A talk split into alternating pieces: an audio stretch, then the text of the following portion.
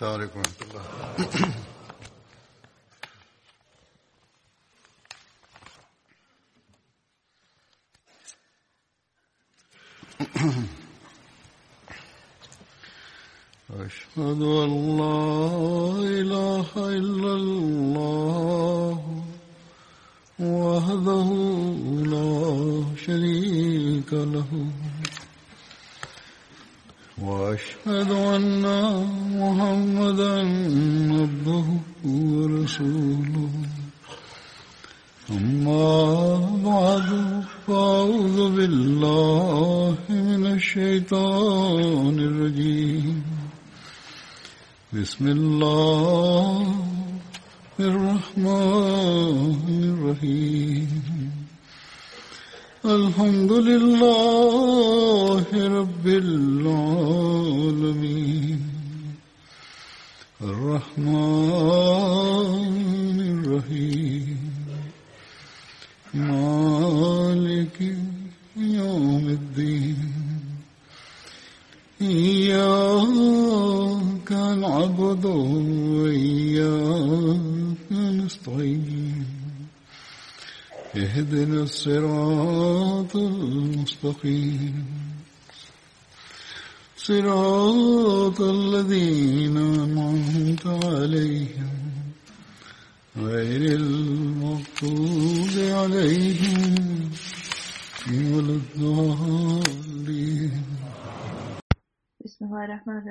Mazur kaže: "Zadnje nekoliko hudbe sam govorio o Hazreti Sad bin Ubada radijallahu anhu i danas ću da spomenem zadnje događaje u vezi njega.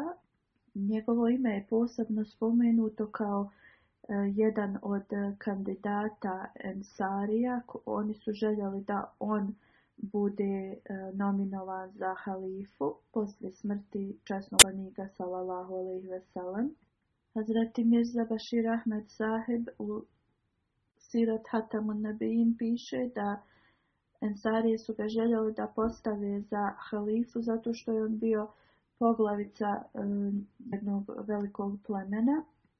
Kada je Hazreti Abu Bekr radijalahu anhu postao uh, bio izabran za halifu, e, Sad bin Ubada je ostao nekoj sum zbog toga što su Ensarije željeli njega da postave za halifu i Hazur kaže ja ću da spomenem e, ovaj događaj zato što je vrlo važan i spomenut ću ga kroz riječi Hazreti Muslimauda radijalahu anhu koji je prosvijetlio ovaj događaj svojim komentarom. Kako god prije nego što e, predstavim riječi Hazreti Muslimauda radijalahu anhu, e, navešću jedan hadis i historijske detalje. Umejd bin Abdurrahman prenosi kada je poslanik sallallahu alejhi ve preminuo, Hazreti Abu Bekr je bio izvan Medine, ne, u nekoj blizini, on je došao, otkrio je poslanikovo blagoslovljeno lice i poljubio ga je. Tada je rekao, neka su moj otac i majka žrtvovani radi tebe, kako je tvoj lik bio čist i istinit u toku tvog života, a čak i sada kada si preminuo. Pa je rekao, kunem se gospodarom Kabe da Muhammed sallallahu alaihi veselam je preminuo. Onda je Hazreti Ebu Bekr i Hazreti Omer radijalahu anhu brzo otišli u Sakifa Benu Saida su došli. Kada su stigli tu, Hazreti Ebu Bekr je govorio prvi i počeo je da nabraja sve odličnosti Ensarija koje su spomenute u časnom Kur'anu i sve što je časni poslanik Salalahu Lehvasalan spomenuo u vezi njih. Onda je rekao, dobro znate da je poslanik Salalahu Lehvasalan rekao, kad bi svi ljudi krenuli u jednu, u jednom smjeru, a Ensarije u drugom, ja bi išao uz Ensarije. Onda se obratio Hazreti Sadu i rekao, o Sad, da li se ti sjećaš, sjedio si u skupu sa časnim poslanikom sallallahu veselem kada je rekao da Kurešije imaju pravedno pravo za hilafet. Oni koji su pobožni će da prate pobožnu osobu od kurešija a oni koji su zli, oni će da prate one zle iz Kurešija. Sad je tada rekao, rekao si istinu. Mi smo veziri, a vi ste vođe. Ovaj hadis je iz Musnad Ahmed bin Hanbal. U vezi ovoga u Atakatul Kubra je zapisano kada je poslanik sallallahu alejhi ve sellem preminuo Ebu Bekr je poslao poruku Sad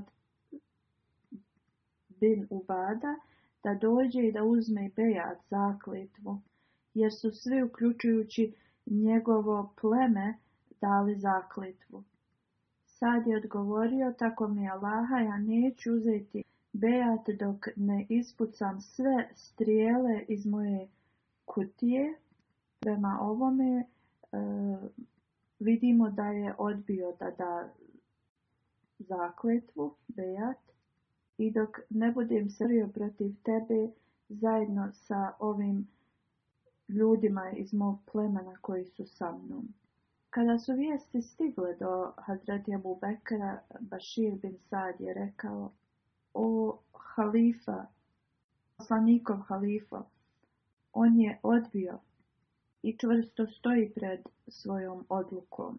On neće dati tebi zakletvu i da bude ubijen. I on nikada ne, neće biti ubijen dok svi iz njegovog plemena i njegova djeca ne budu ubijeni. Slično, oni ne mogu biti ubijeni dok čitavo pleme od Hazrić nije pogubljeno. A oni neće moći biti pogubljeni dok pleme Aus ne bude. Onda nemoj da ih napadaš. Sada kad ljudi znaju o ovome, oni neće biti u stanju da ti naude. To jeste, mnogi ljudi iz njegovog plemena su dali e, bejat, zakletvu Ebu Bekru radijala I nije važno ako on to ne želi da da, jer on je osoba koju su napustili. Hazreti Ebu Bekr radijala je prihvatio savjet Bešira i ostavio je Hazreti Sada na miru, poslije ovoga kada je Hazreti Omer radijalahu anhu postavljen za halifu, sreo se i sa Sadom i rekao je šta ti kažeš o Sad? On mu je rekao šta govoriš o Omere? Ovo je njihov razgovor između njih dvojice. Hazreti Omer je rekao da li si ti isti kao prije? Sad je odgovorio ja sam isti kao prije. U vezi toga da je Hazreti Omer radijalahu anhu bio izabrat za halifu i da su mnogi ljudi mu dali bejat, ali on i dalje je imao isto mišljenje. Hazreti Sad radjala Anhu je tad rekao, tako mi Boga tvoj drug, to jeste Ebu Bekar radjala Anhu je bio draži meni od tebe. Onda je rekao, ja sam se probudio u takvom stanju da mi nije drago što si moj komšija. Hazreti Omer je tada rekao, kogod ne, ne voli društvo svog komšije, treba da se udalji od njega. Hazreti Sad je rekao, neću zaboraviti ove riječi i kao uradit će prema njima. Rekao je, odselit ću se u komšiluk koji bolji od tvog. Hazreti Sad se je posle odselio u Siriju. U jednom hadisu se prenosi da je Hazreti Sad radijalahu anhu dao bejat Hazreti Ebu Bekru radijalahu anhu zajedno sa cijelim njegovim e, plemenom.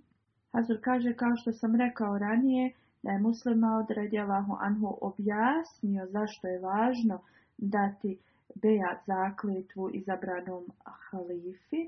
I sada ću da e, kažem o tome. Na jednoj hudbi Hazreti Muslima radijala Honhu je rekao, katal znači prekinuti sve veze s nekim. Poslije smrti poslanika sallallahu i ve kada su neki ljudi počeli da imaju različito mišljenje u vezi hilafeta, ensarije su mislili, smatrali su da hilafet je trebao da ostane sa njima, zato što su oni bili rođeni u tom mjestu ili ako bi trebao da bude halifa od muhađira, onda jedan treba da bude od njih. To je bilo njihovo mišljenje. Benu Hašem su imali, smatrali su da hilafet je njihovo pravo, jer poslanik sallallahu alejhi salam je pripadao njihovoj porodici. Iako su muhađiri E, smatrali da halifa mora da bude iz Kurejš, jer e, Arabija ne bi nikoga drugog prihvatila osim osobu koja je Kurejšija. Ali oni nisu predstavili ničije ime. Radije oni su željeli da to bude izglasano ime. I koga vas muslimani budu izabrali, izabrali, on će biti postavljeni kalifa. Kada su ovo rekli, Ensarije i Benu Hašim su se složili. Kako god jedan Ensarija se nije mogao e, da složi s ovim i da shvati mudrosti iza ovoga, a to je bio taj isti Ensarija kojeg su Ensarije bili predstavili da bude izabran za halifu. Možda je smatrao ovo uvredom njemu ili uistinu nije mogao da shvati ovo. Koji god je razlog bio, on je rekao da nije spreman da da zakletvu Bejat. Hazreti Abu Bekru Ovanu. U nekim historijskim knjigama je zabilježeno da je e, Omer radijavanhu rekao da treba sad da se ubije, kako god on ga nije ubio, niti bilo ko drugi. Neki eksperti govore da ovo je značilo da trebaju da prekinu vezu sa Sadom. U drugim historijskim zapisima stoji da je Hazreti Sad redovno išao u džamiju, ali bi klanjao svoje namaze odvojeno i odlazio I drugi ashabi nisu govorili s njim. Znači jedna interpretacija toga e, ubijte sada znači da prekinu komuniciranje s njim i da se ne druže s njim. A zatim su malo dalje govori e, u ovoj hudbi, e, spominje da je govorio na prijašnjoj hudbi, da je rekao da e, Ansari su željeli da iz njihovog naroda bude postavljen halifa, kako god muhađiri, pogotovo Ebu Bekr radijalahu anhu im je objasnio da ovo neće i biti korisno za umet, zato što muslimani ovo ne bi nikad prihvatili kada su se muhađiri i ensarije skupili i oni su se dogovorili i složili da trebaju da izaberu osobu i svi daju zakletvu i svi su se složili da to bude Hazreti Abu Bekr radijalahu anhu, ti prisutni tu.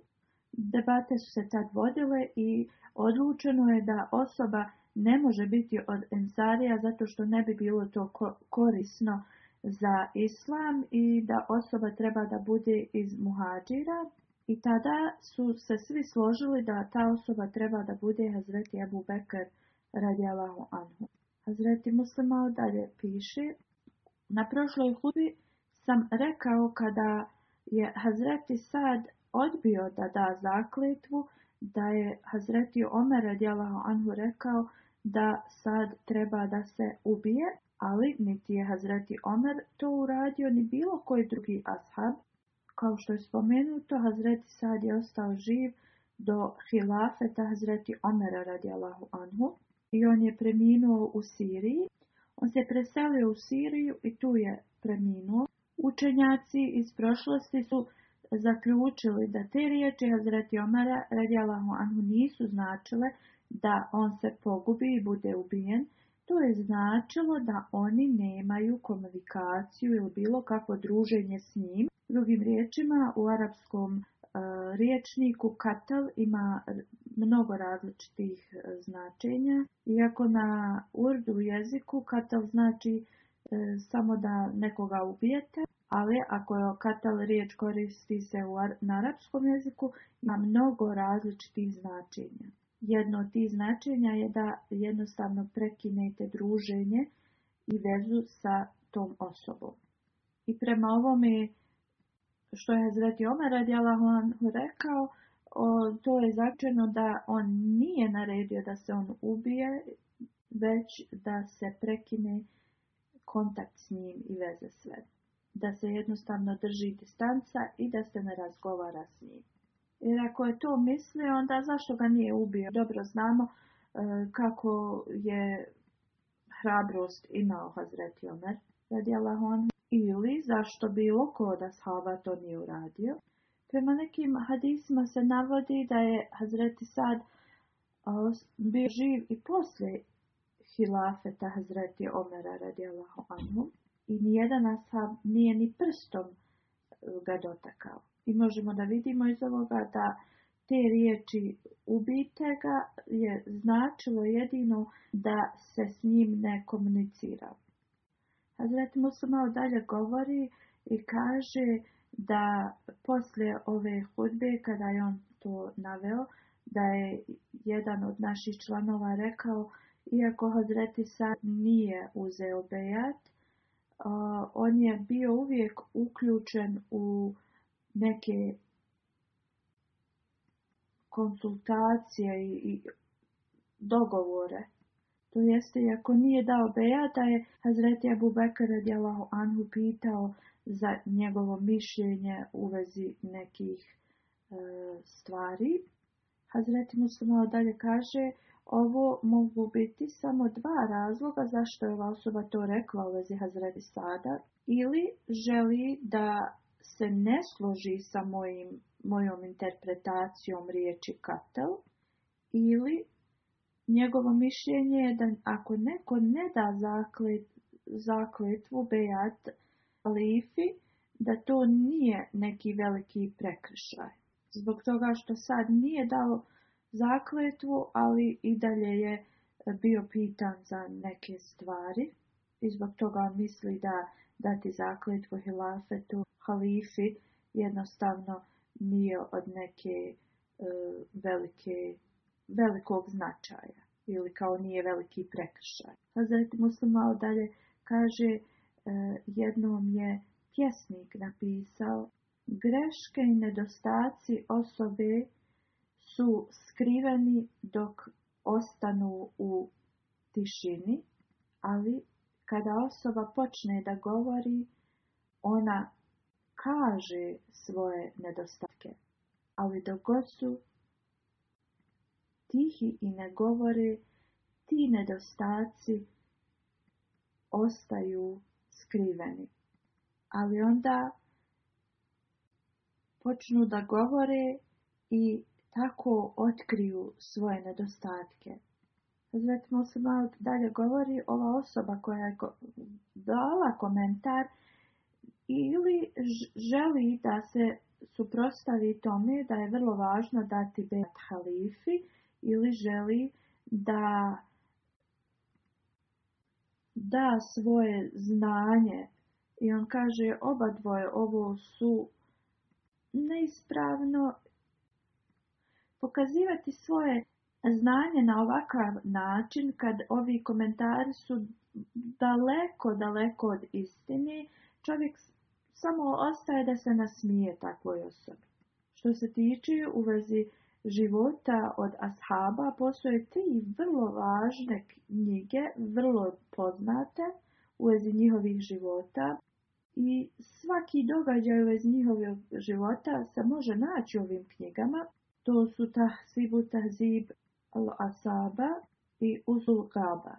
Sve tri ove knjige govore u vezi sada da je živio odvojeno od ashaba i kada se preselio u Siriju, tu je i preminuo. Onda on navodi leksikne u vezi, koji govore u vezi riječi katal, također spominje da je bilo eh, bar 60 ashaba koji su E, se zvali Sad. Jedan od njih je bio Sad. Jedan od njih je Sad bin Abi On je bio jedan od Ashramu Bashra i bio je postavljen kao komadant od Hazreti Omera radijalahu anhu i bio je uključen u sve događaje koji su trebali e, savjetovanja i slično. I izgleda da ova osoba koja se proturječila Hazreti Muslima od e, njegovoj hudbi je to uradila iz e, neznanja zato što nije shvatila o kojem se sadu govori. Umjesto toga odmah mi je dao komentar na moju hudbu. Ja tada u toj hudbi nisam govorio o Sad bin Abiva kas koji je bio muhađir. Ja sam govorio o ashabu koji je bio Ensarija. Osim ove dvojice postoji mnogo drugih ashaba koji su se zvali Sad, 60 ili 70 od njih. Sad o kojem sam ja govorio je bio Sad bin Ubada.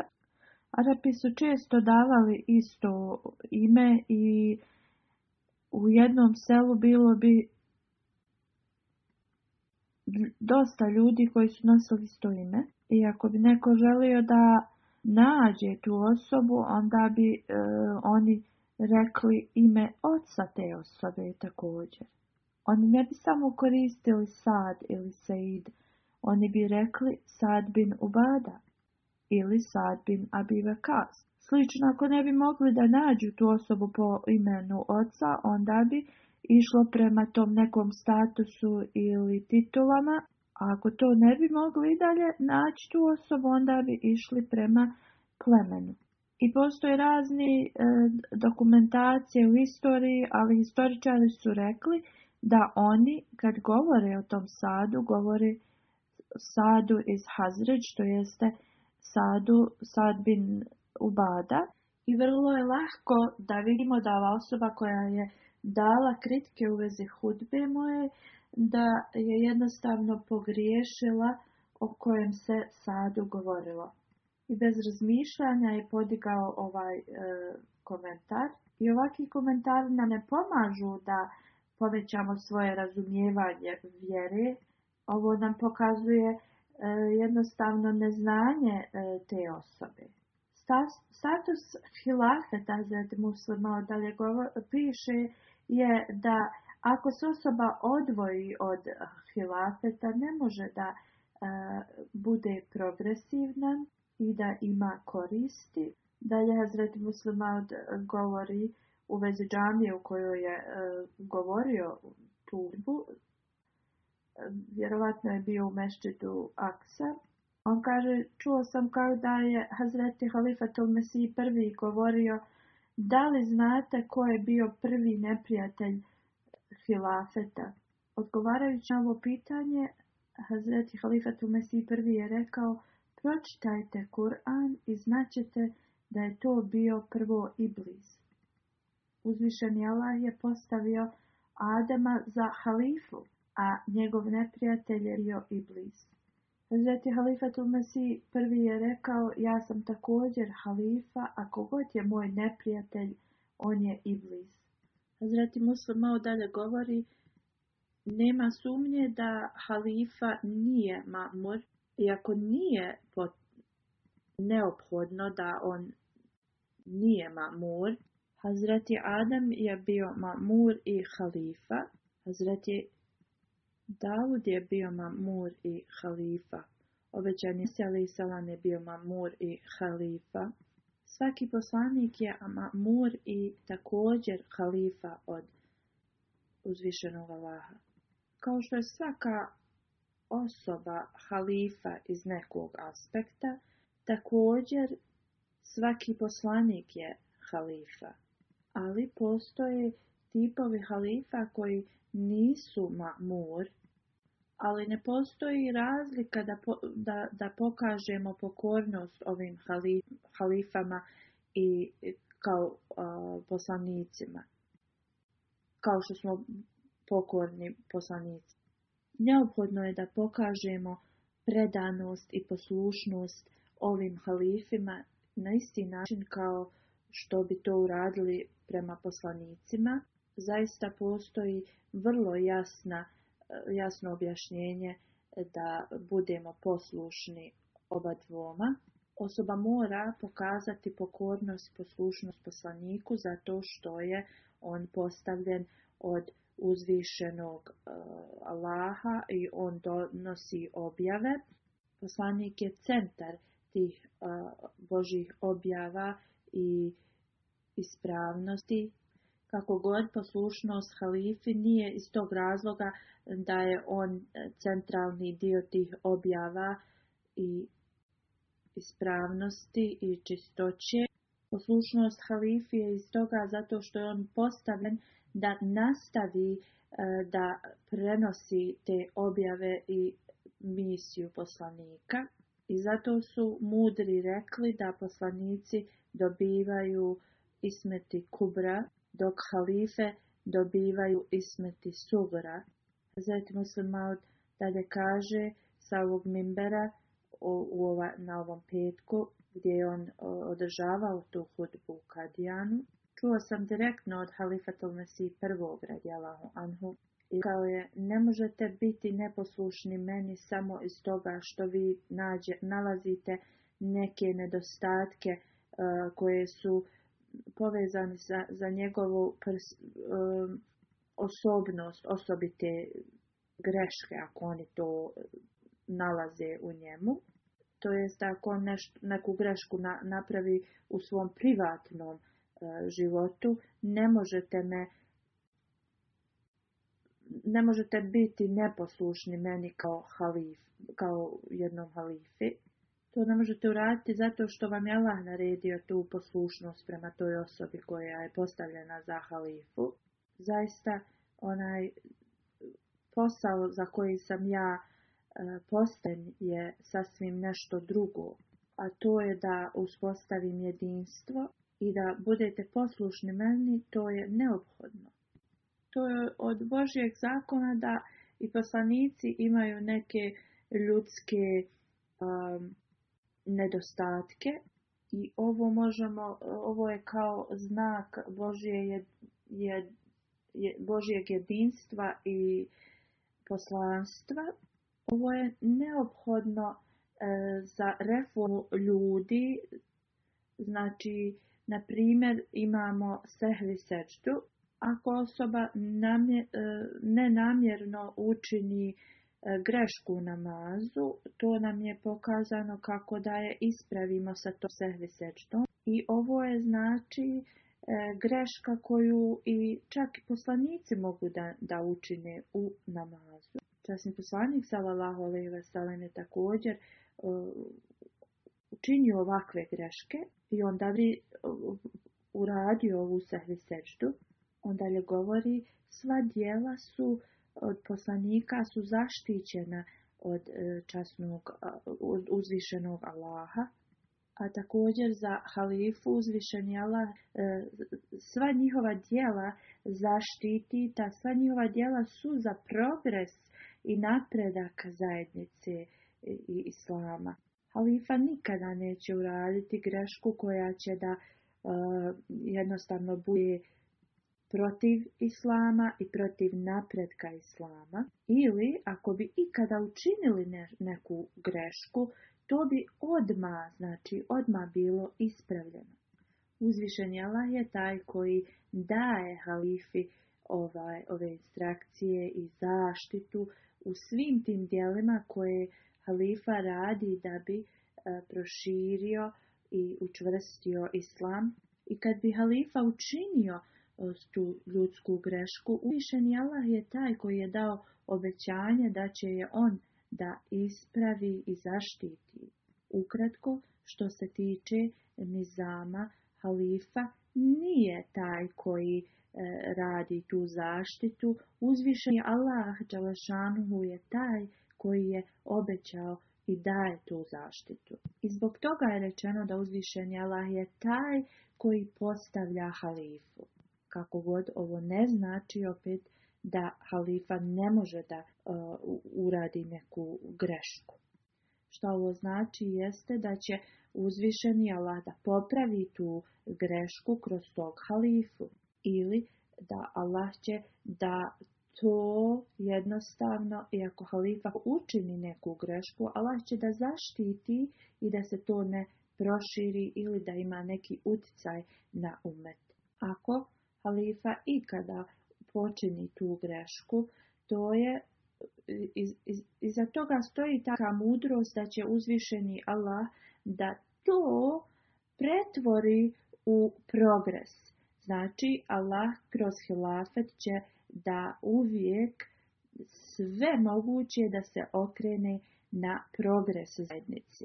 I nikada džemat neće da e, doživi nešto loše s tim. Drugim riječima, poslanici posjeduju oba dvije zaštite, ismeti kuga i ismeti sugra. Poslanici su centar koji e, oni šire poruku e, uzvišenog Allaha i oni su onaj najbolji uzorak tih e, objava uzvišenog Allaha. Također, onaj savršeni e, primjer bogobojaznosti. U svakom slučaju, da li halifa, e, e, da li to izgledalo da nekada jednostavno neke osobe su više pobožnije ili u, u tom nekom smislu, mi za nas je neophodno da budemo poslušni halifi, Nekada ljudi su ona ako neko spomene politiku u, od džamata u tom smislu, odmah postanu radoznali šta to znači. Inače kad to kažemo politika je to nekako u normalnim situacijama, to se odnosi na neke negativne aspekte. I ovo je zbog političara koji su E, doveli svaku vrstu politike u vrlo negativnom smislu. Inače, to se pripisuje da je to neka e, loša riječ, jednostavno to nešto će prouzrokovati nešto loše ta politika ili da jednostavno ti ljudi ne rade na iskren način. Istina je da definicija politike e, znači jednostavno da vrlo E, to jest e, definicija je da taj sistem pravilno e, izvršava radnju. Drugo značenje je da politika je upotreba razuma kad izvršavamo nešto. Također da znam, značenje je da imamo sistem koji zaštićuje od svih loših stvari, da uvijek koristimo razloge, razum i mudrost kad nešto radimo i da imamo e, jednostavno e, način da, e, da, da riješimo i internacionalne probleme sa, sa ovim uputama i to bi trebala da bude definicija politike. Ukratko, ova riječ trebala bi da nam daje pozitivnu definiciju kako god, kao što sam rekao, mi smo zaboravili pravo značenje riječi politika radi ponašanja političara i onda mi smo izvukli pogrešno značenje radi naših pogrešnih e, ponašanja i dijela kao političari. U svakom slučaju Hazreti Muslimaud e, koristi riječ politika u pozitivnom smislu u svojoj hudbi. E, ona prouzrokuje značenje pozitivnosti, razumijevanja razuma i tako dalje. I također jednostavno umijeće da možete da operirate taj sistem, da, da izvršavate e, sve, sva e, pravila i uvjete. Hazret malo dalje govori, pošto džemat je vrlo povezan sa tim da jednostavno ispunjava sva pravila vjere, onda je vrlo važno da se i sva ta administracija e, treba da ispuni i, i sve e, da radi prema, svi odbori u džamatu da radi prema uputama i pravilima. U isto vrijeme, druga, u isto vrijeme e, oni moraju da ispune sve upute vjere koja, što se nalaže za članove Znači, halifa mora da e, daje upute za administraciju, također da jednostavno prenese e, vjeru e, ljudima i pravila vjere. I radi ovoga gdje je uzvišenjala zmijenu instituciju hilafeta u časnom Koranu. U časnom Koranu stoji وَلَيُمَكِّنَنَّ لَهُمْ دِينَهُمُ الَّذِي ارْتَدَى لَهُمْ I da će im on učvrstiti njihovu vjeru koju je on odabrao za njih. I onda znači na način na koji halife prenose vjeru, mi znamo da je to uzvišen Allah da, to čuva. Ovo je hifazeti sukra, Hazreti muslima Radjala anhu govori. Nekada halife mogu da E, imaju različito mišljenje, kao na primjer nekada bi Hazreti Ebu Bekr radijalahu anhu i Hazreti Omer radijalahu anhu imali različito mišljenje u vezi nečega. I do dan danas muslimanski umet se ne može e, da složi u vezi ovih nekih stvari, ali ovo su mali detalji vjere, ovi, ovi stvari kojima se ne mogu da služi. Ali što se tiče osnovnih principa vjere, tu ne može da ima e, različito mišljenje. Hilafat, halife, oni će uvijek da se slože sa ovim principima. Jer oni su oni koji su vođe koji donose svjetlost ovome svijetu onda osoba ako misli da je osoba koja je dala bejat i ona koja nije dala bejat zakletvu da imaju isti ovaj, status, onda ovakve osobe nisu istinski razumjele ni shvatile svrhu džemata i svrhu zakletve i tog bejata. Što se tiče traženja savjeta, trebamo da, da, da imamo na umu da mi možemo tražiti savjet od osobe koja nema istu vjeru kao mi, ako je on ekspert u nekom. Znači, ako je ta osoba ekspert u nekom pogledu nauke i tako dalje. Ovećani Mesa, ali i salam u toku svoga suda, on je imao Eh, Engleza kao njegovog eh, advokata, ali ovo ne znači da je on tražio eh, savjete od njega u vezi poslanstva. Kada je bila bitka na Hendeku, poslanik sallallahu Lih Veselem je tražio savjet od Salmana Farsija i pitao je šta su ljudi iz njegove zemlje radili u toku rata. Hazreti Salman je rekao da ljudi u njegovoj zemlji oni iz, iskopaju rov. Časni poslanik sallallahu alejhi ve je ovo rekao da je odličan savjet i onda su iskopali taj rov. I zato se ovaj, ova borba zove borba kod rova. I, e, ali iz ovoga mi ne možemo reći da je Hazreti e, Salman imao bode e, bolje znanje od poslanika sallallahu alejhi ve Pa ni u ratu jer mi e, znamo strategije i znanje poslanika sallallahu alejhi ve i u vezi rata. I znamo da Hazreti Salman nikada nije bio postavljen za e, vođu vojske iako je dugo živio. I onda e, možemo da vidimo da nema uopšte nije loše da mi tražimo savjet od, nekih eksperata iako nisu oni e, dio naše religije.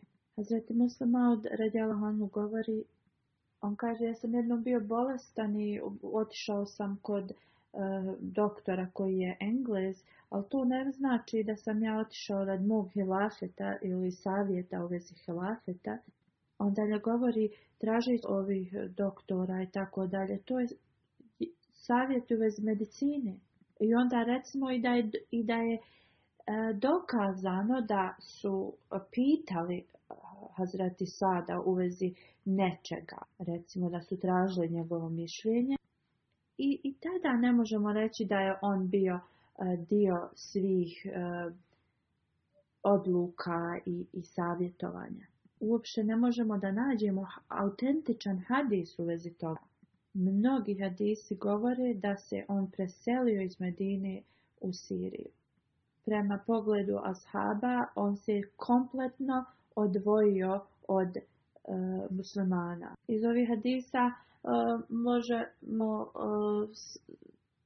kad bi ashabi govorili u vezi njegove smrti e, nisu pozitivno govorili.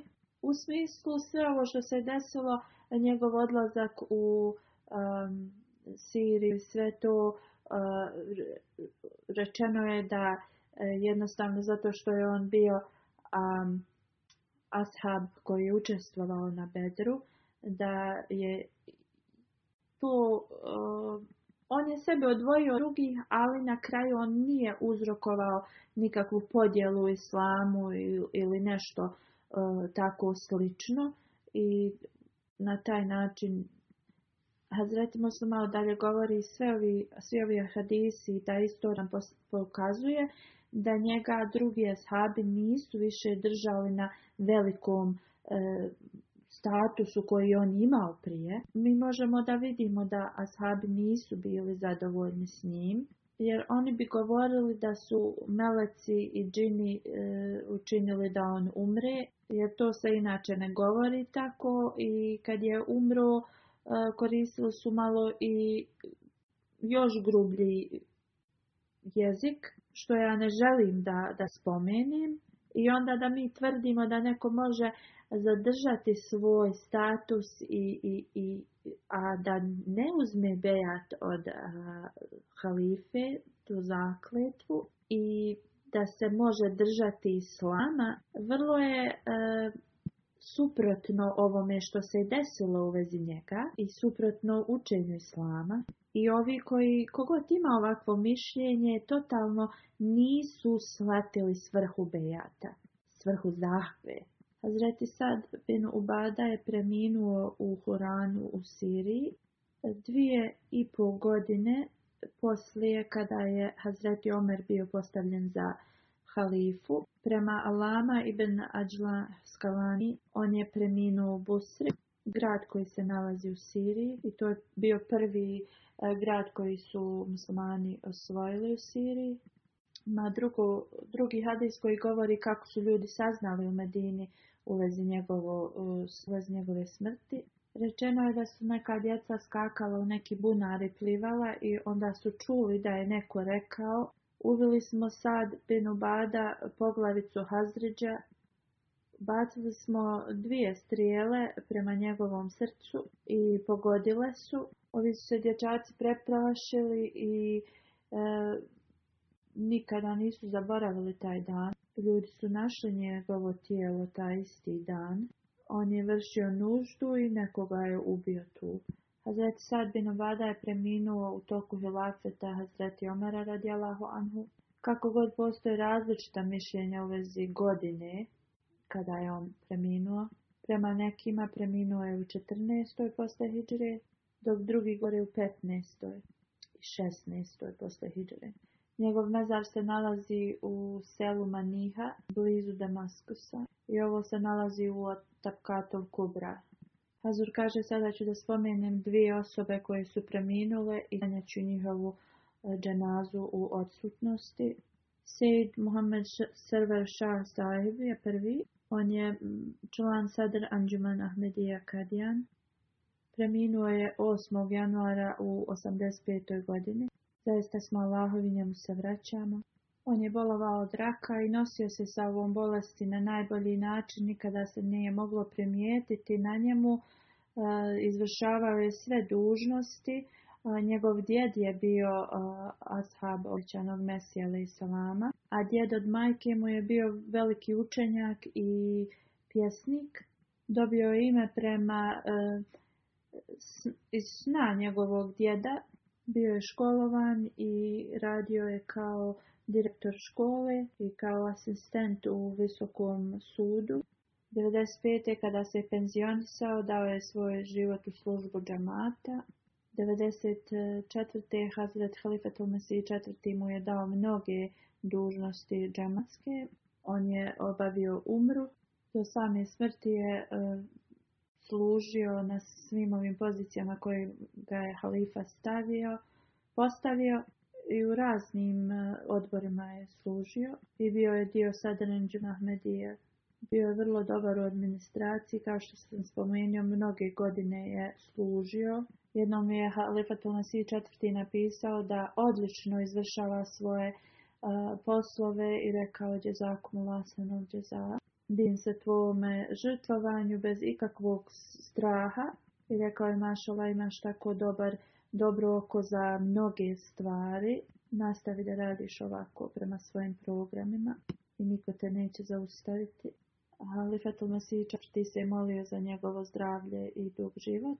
Mnogi su pisali u vezi njegovog života kako je izvršavao posao u u kaza e, sudu Također njegov zet piše kako je redovno oklanjao tahadžud i namaze na vrijeme i kako je bio pobožna osoba i uvijek išao u džamiju i kada je imao tešku situaciju i da korača, uzeo bi nekoga pod ruku, ali bi išao u džamiju.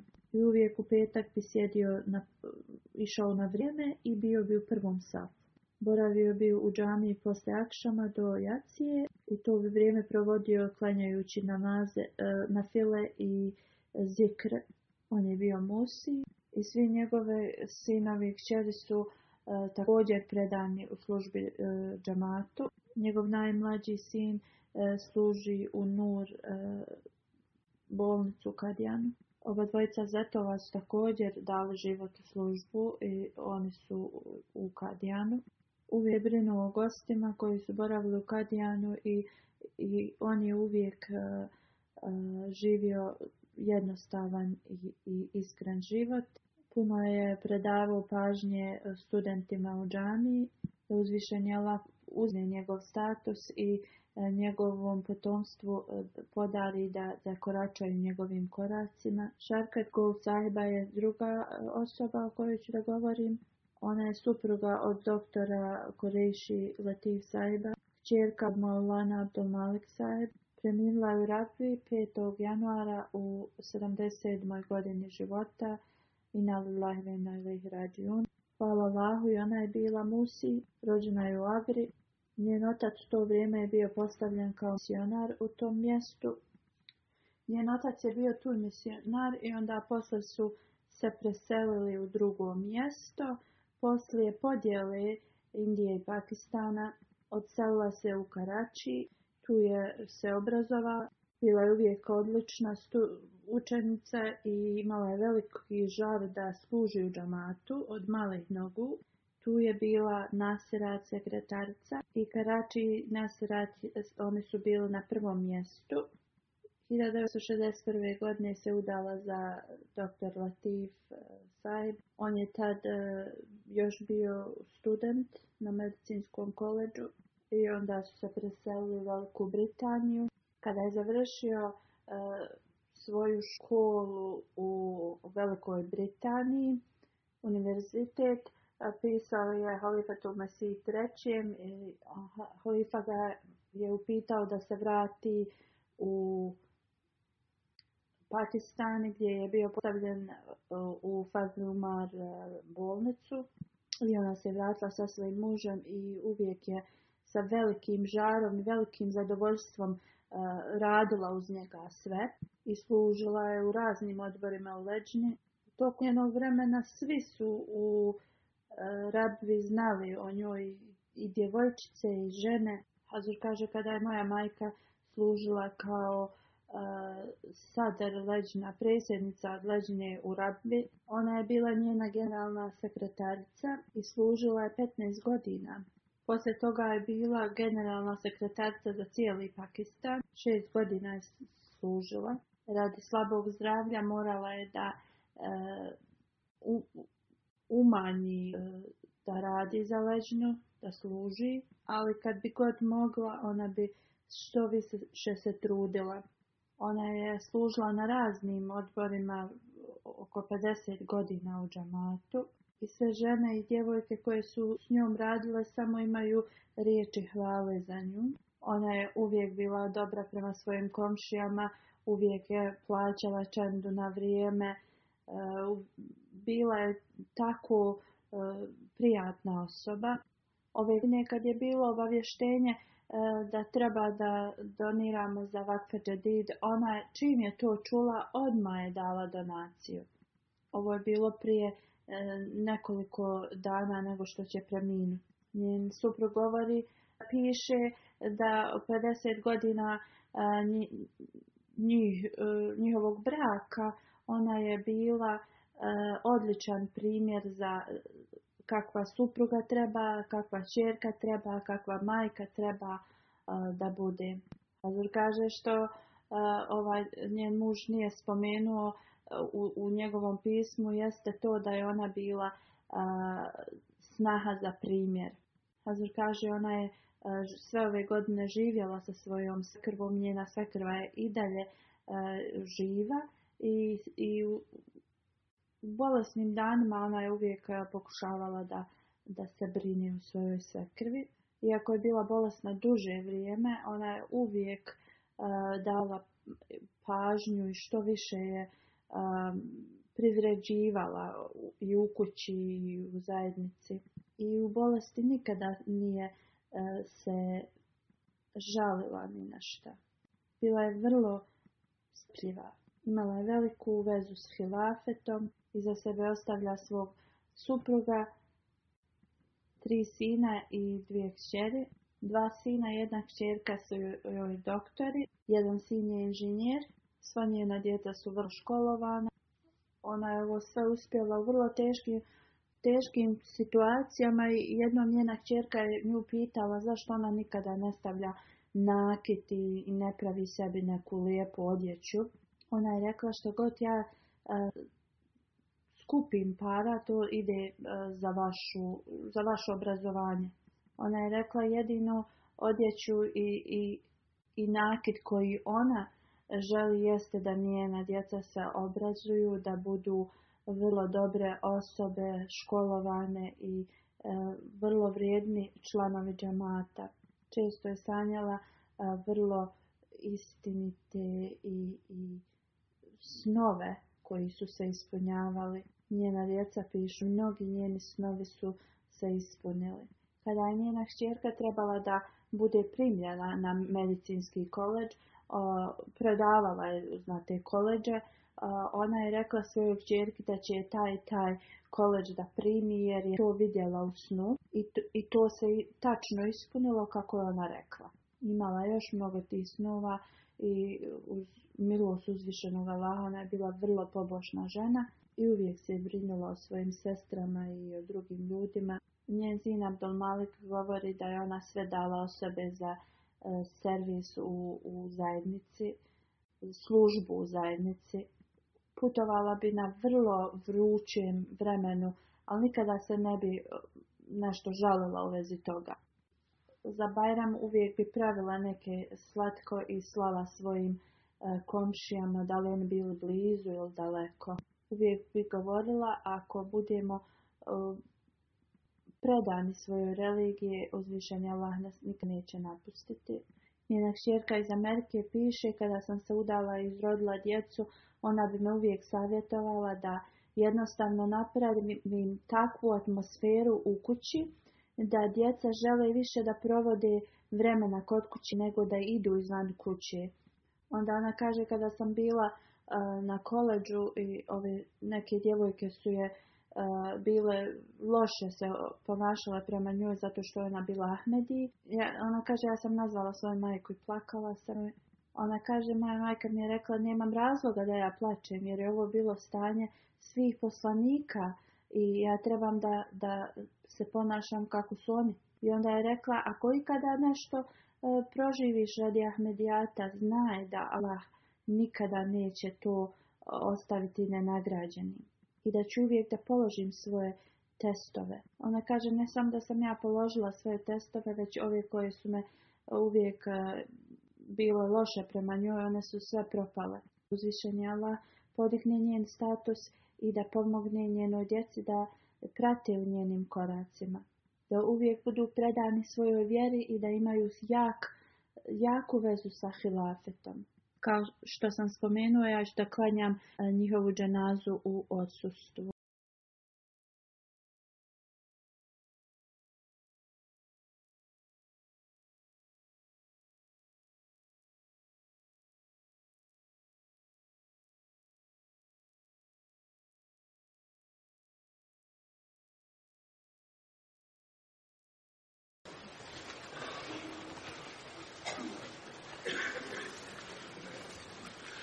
الحمد لله الحمد لله نحمده ونستعينه ونستغفره ونؤمن به ونتوكل عليه ونعوذ بالله من شرور أنفسنا ومن سيئات أعمالنا من يهده الله فلا مضل له ومن يضلل فلا هادي له ونشهد أن لا إله إلا الله ونشهد أن محمدا عبده ورسوله